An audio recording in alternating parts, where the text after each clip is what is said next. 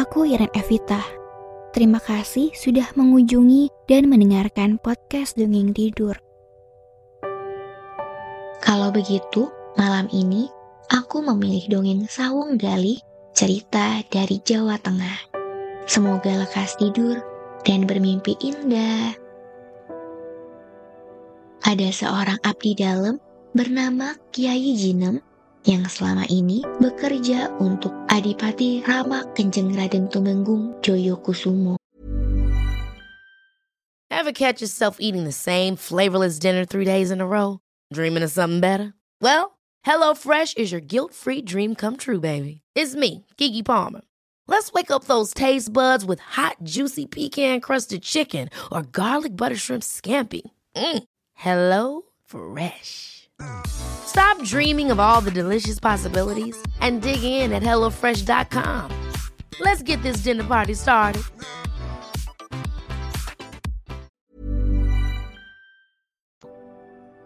Gelar Kenjeng Raden Tumenggung atau disingkat KRT menandakan orang tersebut adalah seorang bupati.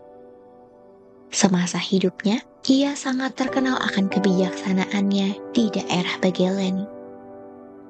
Suatu hari, Adipati Joyo Kusumo ditemani abdinya Kiai Jinem berangkat ke arah barat untuk mengunjungi Masjid Semawung. Sesampainya di sana, hari sudah gelap maka mereka beristirahat di sana. Namun, mereka tidak mau tidur di dalam masjid, melainkan di bawah pohon di sebelah masjid tersebut. Dalam mimpinya, Kiai Jinem mendapat ilham bahwa daerah itu nantinya akan menjadi negara yang subur, makmur, murah sandang dan pangan. Sementara itu, Adipati Joyokusumo juga bermimpi kalau hidungnya terasa kemasukan hewan kecil berwujud jangkrik yang terus-menerus bersembunyi. Tiba-tiba jangkrik itu meloncat keluar dari hidung ke tanah. Adipati Joyo Kusumo melempar jangkrik tersebut dengan keris pusakanya. Dan jangkrik itu pun hilang bersama pusakanya entah ke mana. Pada saat akan pulang, Adipati Joyokusumo tidak menceritakan ilham dalam mimpi yang baru saja diterimanya. Sementara itu, akhirnya Kiai Jinem memutuskan untuk tetap berada di tempat ini sesuai ilham dalam mimpi yang didapatkannya. Akhirnya, Adipati Joyokusumo diantar oleh abdinya yang lain. Sebelum pulang, Adipati Joyokusumo berpesan kepada Kiai Jinem agar menggali harta yang terpendam pada tanah bekas tempat tidur mereka, di mana harta tersebut nantinya dapat memenuhi kebutuhannya sehari-hari. Kiai Jinem pun membuka lahan baru untuk memperluas daerah Semawung. Selama bertani, ia dibantu oleh juru kunci Masjid Semawung dan jatuh cinta dengan putrinya yang bernama Diah Rara Murdina. Maka menikahlah mereka berdua dan dikaruniai seorang putra yang dinamainya Jaka Wuku. Setelah dewasa, Jaka Wuku pun menikah dan dikaruniai putra yang dinamainya Jaka Gutul. Sayangnya, umur Jaka Wuku dan istrinya tidaklah panjang. Sehingga Jaka Gutul kini dirawat oleh eyangnya, yaitu Kiai Jinan itu sendiri.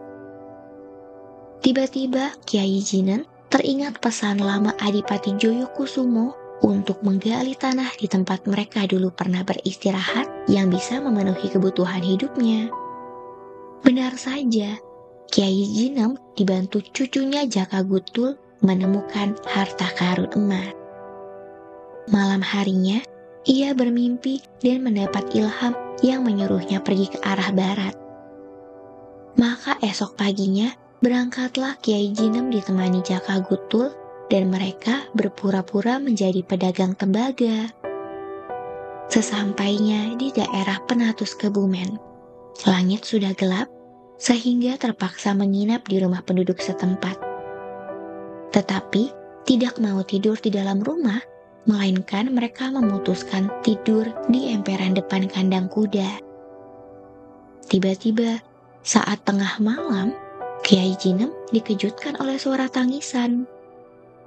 Setelah dicari-cari sumber suara tadi, ia berada di antara tumpukan kayu untuk kayu bakar penerang kandang. Maka ia mengambil kayu itu dan dibelahnya.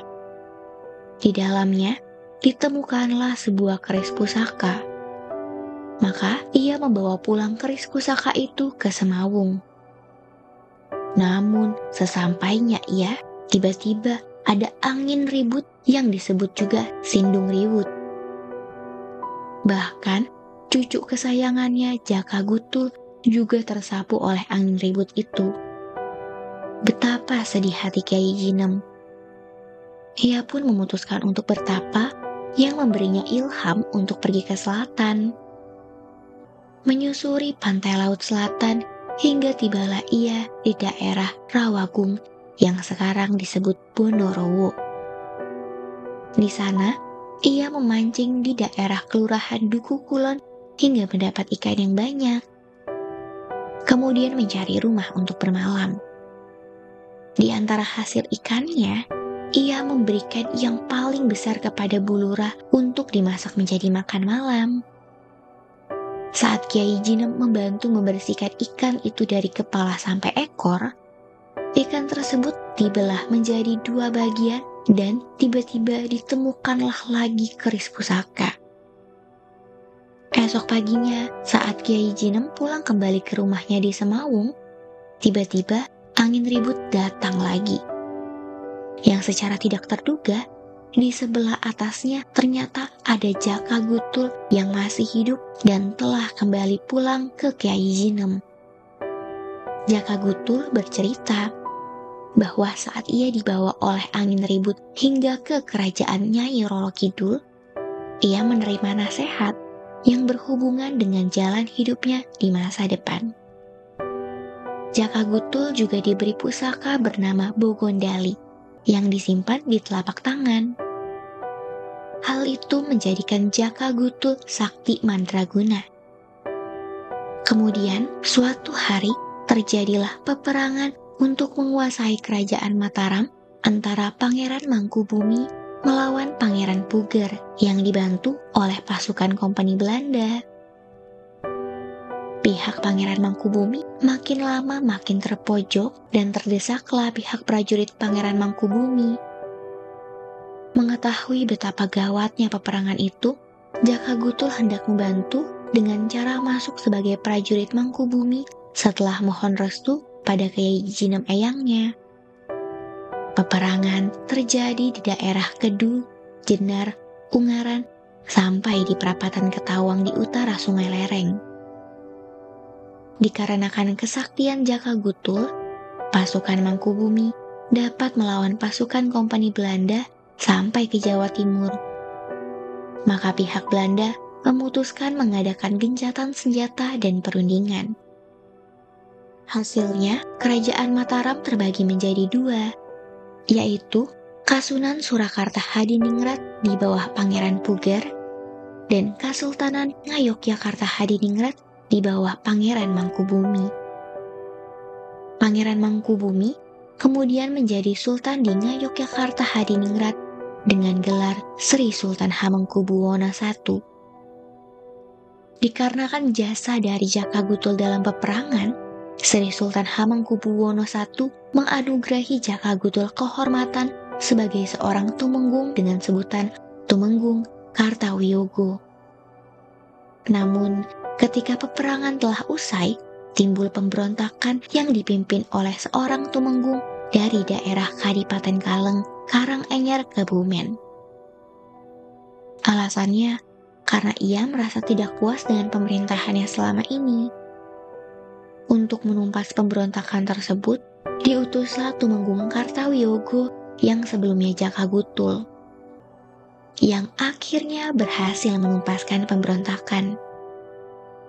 Setelahnya, ia mendapatkan penghargaan dan diberi gelar tambahan menjadi Tumenggung Kartawiyogo Saunggali.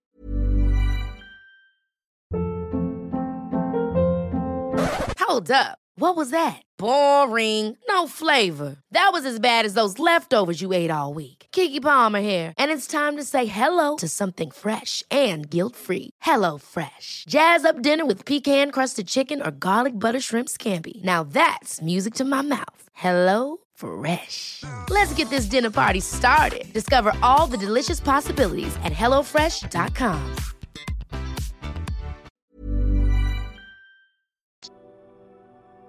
Kini, nama panggilan Jaka Gutul menjadi Sawung Galih.